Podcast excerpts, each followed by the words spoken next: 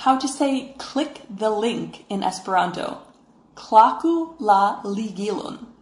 Klaku la ligilon. Shëndë Varsovia vento radios në dinlejsës.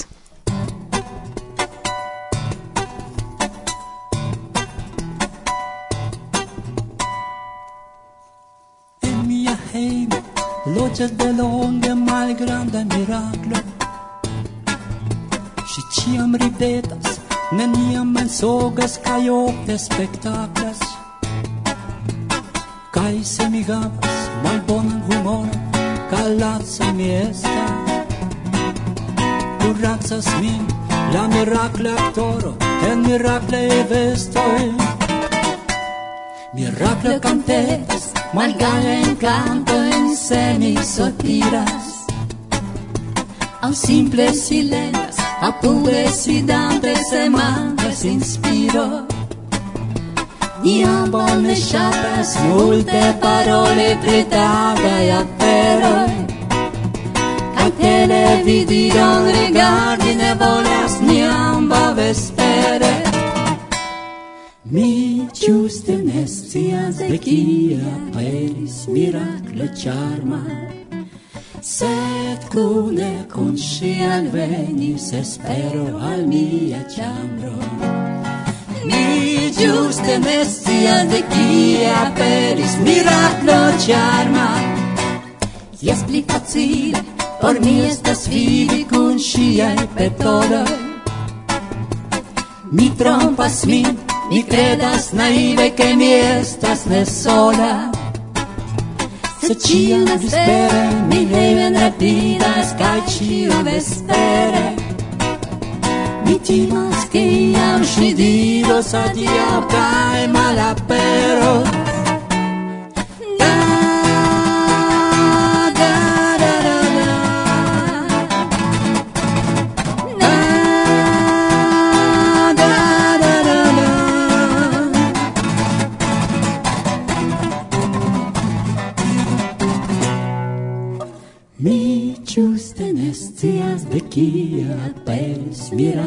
charma. Sed cune cun si alvenis espero al mia chambro mi giuste ne scias de kie aperis miraclo charma.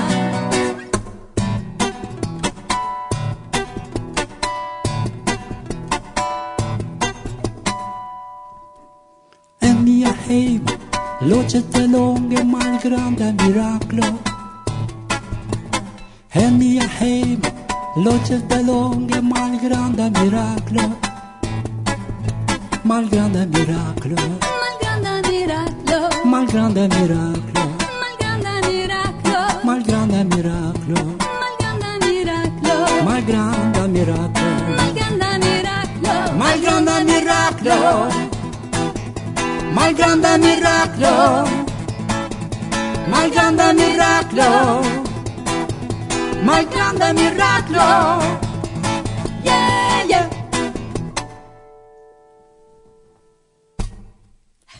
Dankon. Dankon. Konataj voĉoj, ĉu? ebla eblas erari, kiu kantas fakte. Jes, dum multaj jaroj ili sursceneje en Esperantujo. Mm, ne nur sursceneje, foje ankaŭ sur koridore kun la gitaro rekte inter la homoj. Neniam tion mi spertis. Kaj mi jes! Ekzemple dum la unua jes en Zakopane, kie krom la oficiala koncerto ankoraŭ kun Karina tiam, Jomart kun Natasza kantis preskaŭ dum ĉiu vespero kaj nokto kaj kun ĉiuj ĝuste sur koridore. La tutan semajnon. Eĉ ili disdonis kantokajerojn tiam por ke tiuj, kiuj ne konas tekstojn, ankaŭ kun kantu. Neniam tion mi forgesos. Ankaŭ mi feliĉuloj. Ne streĉiĝu. Venos tempo kiam denove sen limigoj ĉiuj ni sidos en amika rondo en centro de kiu estos Żomart kaj Natasha. Kaj denove ĉiuj ni kantos kune. Mm, pelarevo. Revoj estas por ilin realigi. Tion, se vi bone memoras, iam vi diris al Hogener, kiam dum la žurnalista kongreso en Vilnuso, dum nokta diboĉado sur tapiŝo, vi ĵetis ke supernova koncertos en Pollando. Kaj post kelkaj jaroj fakte koncertis. Ekzakte. Kaj kie? Dum la Universala Kongreso en Bialistoko. Ankaŭ dum la Ioko en Ĉeĥio, Liberes kaj Festo en Francio. Irek, konstruu maŝinon de tempo. Ja vi estas elektronikisto. Jes, ne prekonstruu. Tiam volonte mi revenos en tempon, kiam Hector Hodler fondis la Universalan Esperanto-asocion. Mm, mi ŝategus lin persone koni. Tion mi ne dubas, kiel vi roli estis tre atrakcia. ne nur pro tio, kvankam Mm, tio estas um, ankaŭ bona argumento. Tamen se sukcesus ne proponu al li revenon en nia tempo. Jes, mi komprenas. Do eh, por tiuj, kiuj la unuan fojon aŭdas niajn voĉojn... Estas tiuj? Kiam estas. Hmm, sen novuloj la movado ne progresus. Exacte. Do en eh, Varsovio En la provizora studio, De Varsovia Vento, kompreneble. antaŭ mikrofono, hodiaŭ por vi Gosia, Agnieszka Rudzia. kaj mi, Irek. Agnieszka specjale en la enkonduko por iom rakonti al vi pri la Zamenhofaj tagoj en Bialistoko. Dum kiu inter alie koncertis ankaŭ Żomart kaj Natasza. Jes, kaj kiun mi bedaŭrinde ne povis partopreni.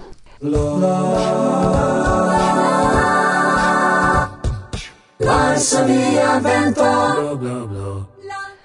Do, kiel estis? No, interese, kvankam tag manĝo kiun ni manĝis private en iu apuda restoracio ne ĵetis min sur genuojn. Tiel nemanĝebla? Mm, ne demandu.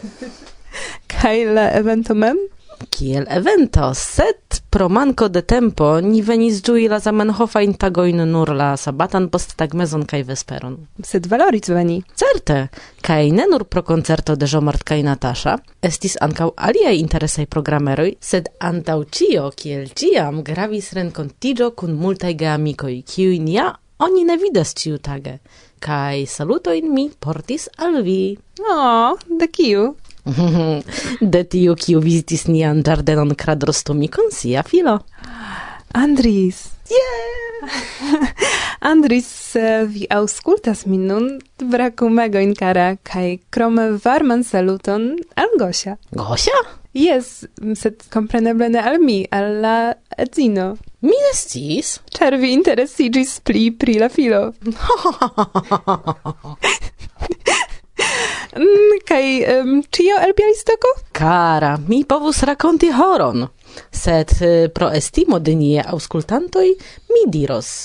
Se vi ŝatas scii, kio interesa krom la koridora etoso dum la evento okazis, simple malkovru ligilojn fine de la priskribo de nia programo. Ah, A jes, eh, fakte ankaŭ mi parte partoprenis la eventon pro rekta emisiado de la programeroj pere de Facebooko. Kaj nun ĉe YouTube vi povas trovi la registraĵojn kaj ĝui prelegon post prelego kaj prezentadon post prezentado. kaj koncerton de Jean-Marc kaj Natasza. Entute. Ĝuste. Iu konkludo, ĝenerala impreso? Kio vere al mi placis kaj verdire ĉiam plaĉas dum la Zamenhofaj tagoj en Bialistoko, ke la evento estas malferma kaj senpaga por ĉiuj, se oni ne bezonas lui tranokton kaj manĝu provizon. Jes, takte estas anticipe aligi pere de la reto, por ke la organizantoj havu orientiĝon kiom da homoj venos.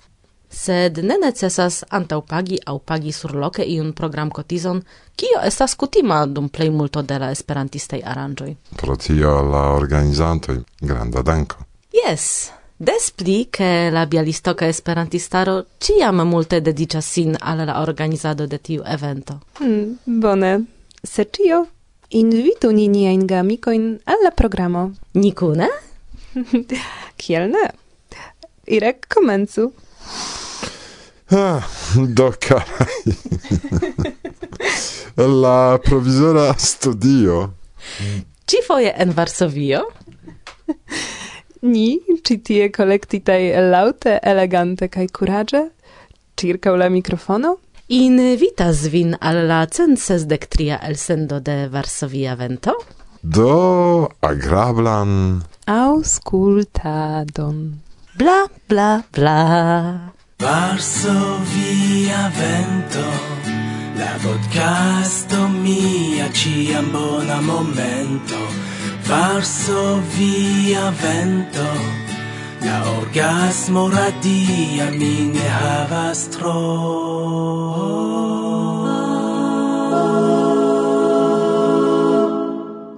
En la Facebooka forumo Esperanto Nederland aperis tre interesa informo pri unu el niaj aŭskultantoj.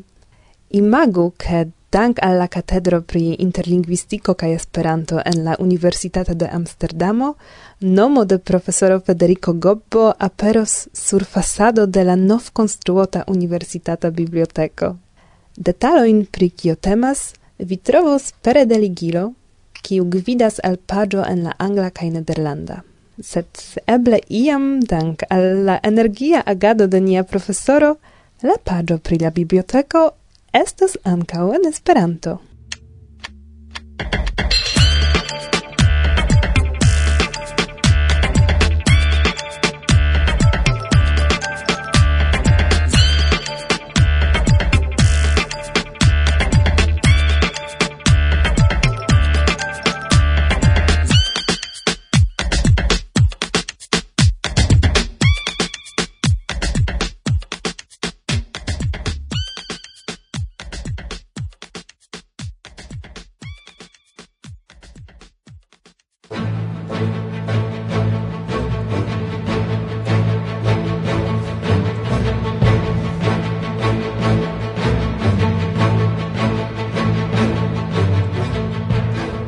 Altlerneja scienza Kalendaro 2023 eldonita de la Supera Consilio por Scienza Esplorado de Hispanio de nove havas version en la internacia lingvo.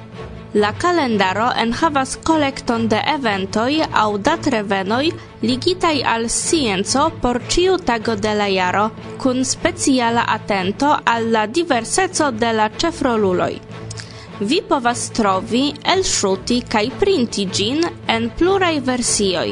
La Esperanta havas propran konton. Pri la tradukado zorgis teamo kun ordigita de Hispana Esperanto Federacio. Imagu, ke ni printis la kalendaron kaj vere ni estas kontentaj. Bonega materialo ankaŭ dum prezentado de Esperanto. Ni rekomendas al vi fari tion. Utilaj ligiloj kompreneble en la priskribo.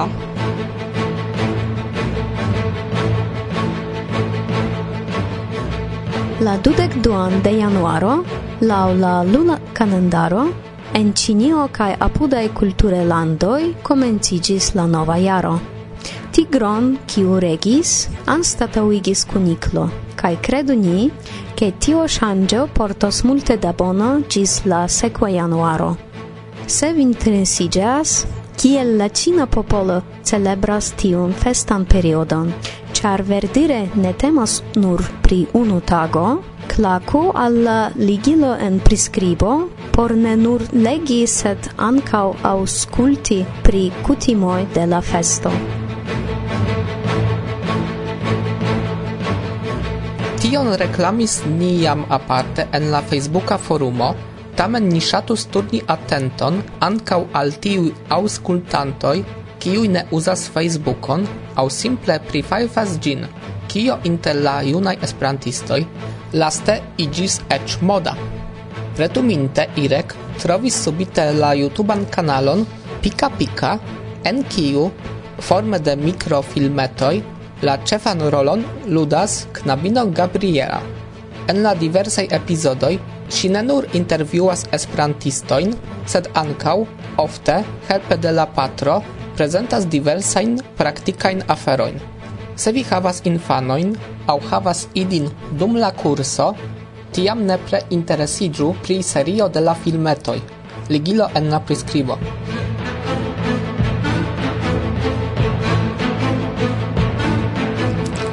se Camil menciis pri filmetoj de Pika Pika, mi deziras alżeti informon ankaŭ pri aliaj filmetoj ĉe YouTube, kiuj gajnis mian simpation. Ideo de Katie estas simple amikiĝi kun ni kaj dum rakontado pri sia vivo proponi inter alie recepton baki bongustajn avenajn keksojn En la filmetoin lau Katie vi trovos cion, kion koro desiras. Venu, vidu kai ĝuu ĉarmecon de Katie. Do simple... Klaku la ligilon.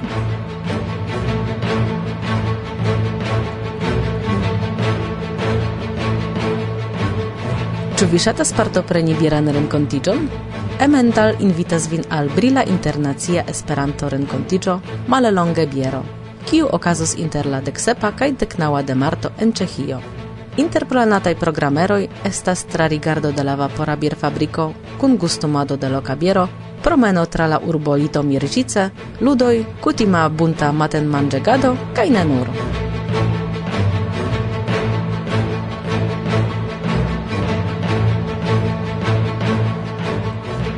Unu el uzantoj de Telegramo informas, ke en Esperanto klubo en Brno okazas nekutimaj prelegoj pri diversaj temoj.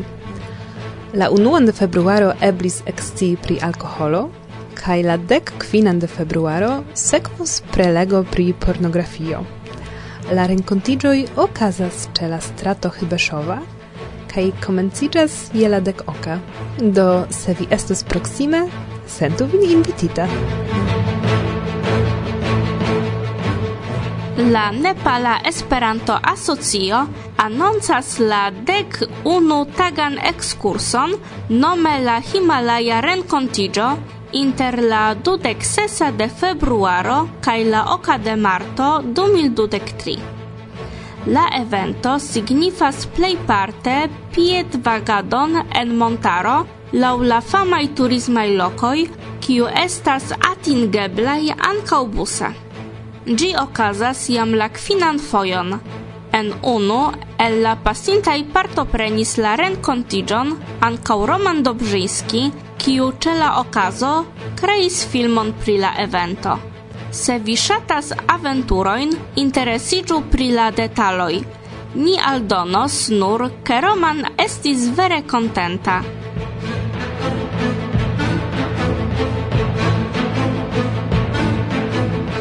La Cataluna Esperanto Junularo invitas vin ĉe esti al la unua junulara aranĝo inter la dudek kvara kaj la dudek sesa de februaro en Manresa. Kio estas renkejtiĝo? La nomo de la aranĝo renkejtiĝo devenas de vortludo inter la esperanta vorto renkontiĝo kaj kaj, kiu ĝin organizas. Last tempe katalunaj gejunuloj komencis plimultiĝi en Esperantujo kaj oni bezonis renkontiĝon por interkonatiĝi kai esti konata eksterlande. Por tiu ci semain fino oni preparis plurain aktivaĵojn, ekskursojn, Esperanto-kursojn por ĉiuj niveloj, gvidantajn vizitojn al turismaj punktoj, partoprenludojn, vingustumadon kun lokaj produktoj kaj ĉio en Esperanto. Ni kuraĝigas vin partopreni kaj ĝui bonegan etoson kune. Klaku ligilon en la priskribo.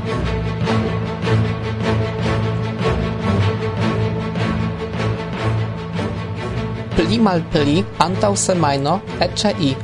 Do, educado ce interreto considis pri testu. Nova, senpaga, multlingva, retlerna platformo kiu ebligas facilan kaj rapidan kreadon de diversaj kvizoj, testoj kaj ekzercoj, ĉefe por lingvolernado. Laŭ planoj ĝi estos lanĉita ankoraŭ ĉiare kaj kompreneble funkcios ankaŭ en Esperanto – se captas vin la temo abonu testupaĵon kaj atendu novaĵojn. Pli da informoj post klako al la ligilo en la priskribo.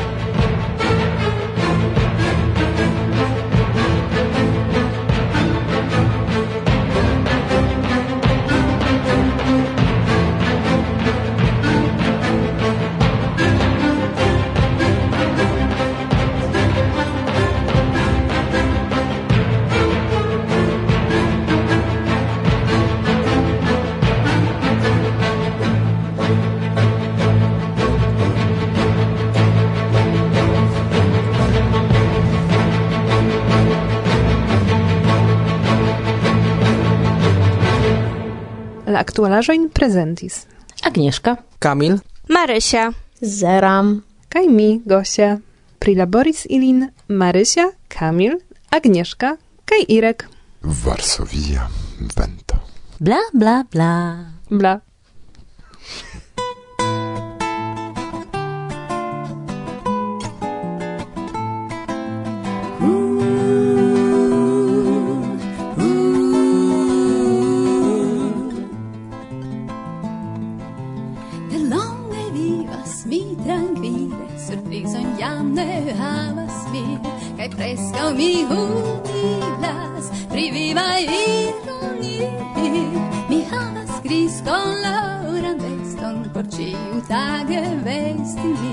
kaj malproksime estas de grizaj tagoj fin. Mi jam delonge ne donacis al iu ruĝan floron sed espero min kuracas pena sole cred. Mi jam delonge ne donacis al iu ruĝan floron sed espero min kuracas pena sole cred. en la mondo estas coloron ingrademaj ĝoj pli ofte ĝi nur festojn renkontis mian vojon vintra vojon somera. Mi preskaŭ meze estas nur mi vidas nur espero nur verda verda lum mi jam delonge ne donacis al iu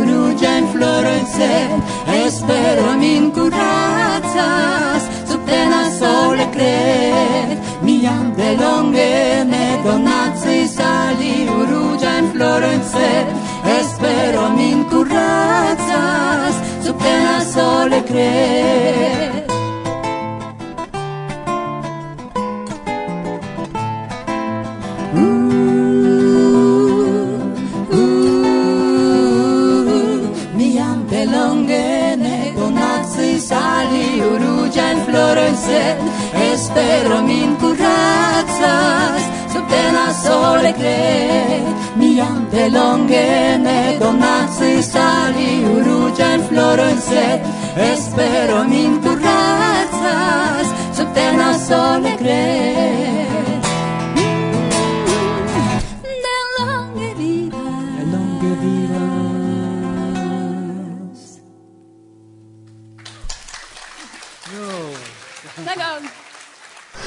Varsovia vento el sendo en provizora studio en Bialistoko kaj en eh, nia rondo kiu konsistas el Agnieszka, Sara, Kasia Ho, antaŭ mikrofono Natasza, Jomart. Estis bela koncerto hodiaŭ, kortusza mi sidis kaj ĝuis ĝin. Vi estis tremi miitaj, mi pensas. Kial? Do, ĉar ni jam dum kvar jaroj ne kantis. Kai tio fakte eh, nervozigas kiam vi sidas sur scenejo kaj vidas tiun grandan publikon ĉu ne? Antaŭ kiu vi volas eh, fari un bonon kaj eble ne centprocente sukcesas. Kial de ukraina kanto vi komencis? E, laŭ mi devas esti la uno kanto nepre ukraina. Ĝuste pro tio ke nun estas multaj kiuj pensas pri tio. Pri la milito pri Ukrainio, pri alie lando kiu helpas, ankaŭ malhelpas. Kai esperantisto esas eh, tute normale homoj kai inter ili ankaŭ esas kiu apogas Ukrainion, kelke ne apogas, do kiel artistoj, publikaj homoj. Ni devas eh, montri nian pozicion kai eble tia maniere helpi kai influi. Estas ĝuste ni ni simple ne povis silenti. Dum concerto en Zabruken, kiam vi speciale concertis por auscultantoj de Varsovia vento, estis canto La Nuboj. Vi dum la cantado komencis plori. Vi povas vidi la filmon. Ne, mi ne volas vidi. Sed eh, uh, foje kiam venas santo estas eh, iomete malfacile, ĉu ne reteni sin kaj kaj pensi pri ah, do ne ciam pasigas la cantoin tra ni mem, ĉu ne? Kaj dum niaj proludo, kaj dum niaj koncertoj do. Foje estas pli senteble ol. Do eble dum tiu concerto estis tiel. Estas interesse che dum eh, diverse concerti povas esi che la sama canto vecas diversa in eh, sentoin. Kai hodio es vere vere nervoziga atmosfero por ni. E mi ne sias ĝuste pro kio. Eble pro tio che estas granda pauso, eble pro tio che ni vere vere multe attendes de ni kaj pensas che alie ankaŭ eble pro tio ke tio estas sendite rekte. Yes, kai sed tamen ni estas vere vere nervozaj. Mi credas ke ni kaŝas tion bone sed eh, momento in kiam mi havis tremantajn fingrojn au ne bone trafis eh, tonalecon. Espereble ne ĉiu rimarkis tion. Kaj ankaŭ vi eh, dum la canto pri hundoi komencis ludi refrenon. Mi, mi tutte forgeses che vi cantas con mi. Mi pensis che mi canta sole. Eh, sed, eh, se tiu esis nordo, esis la, la unua foio, cio ne, do la canto neniam estis eh, cantita anto la publico, kai, do, tiamo ne forgesas la eraro. Mi yes. povas attesti che giuste tiu canto pri hundoi, esis vere, vere pesa por Natasha. Do mi povis canti tiun canton, se ti ciun foion, ciam ni provludis tion. Natasha ploris. Technika pauzo, momenton. Jesano de ĉiuj ni pli ofte en Esperantujo renkontiĝu ni. Na, yes. Kaj estas dolĉa vino, ne estas iu vodko. Ne estas vino.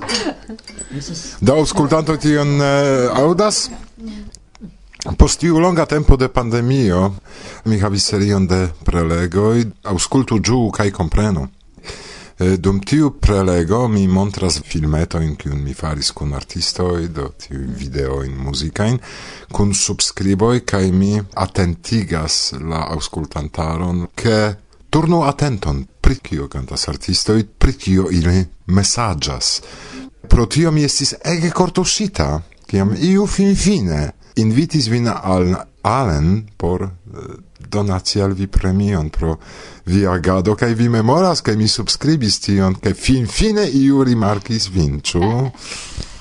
Do ni fakte esis uh, eh, surprizitai, yes.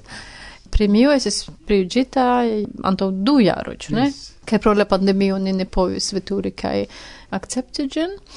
Sed kiam ni venis alla urbo Allen, esis eh, ege bela ceremonio, ni ec ne attendis, ni pensis do ni venos sur sceneion, ni ricevos eh, la diplomon au ion, kai posse ni fariros, sed estis paroloi, kai estis tia surprizo, ĉu ne? Kaj estis um, ankaŭ tiu klasika muziko mm. inter la paroloj. Vera ceremonio, ĉu? Yes, yes. Kaj ankaŭ la akcepto mem estis bona, oni gvidis nin ĉie, ĉu ne? Estis ege, ege granda honoro. Reklamo. Ĉu ankaŭ vi volas esti informita pri la mondaj novaĵoj en flua aktuala Esperanto? kai legi raportoin pri politico, pri scienzo, economio, culturo, kai multe, multe pli, do petusen pagan prof exempleron. La contact adreson de monato vi trovos en la prescribo. Yes. Falso via vento, bla bla bla.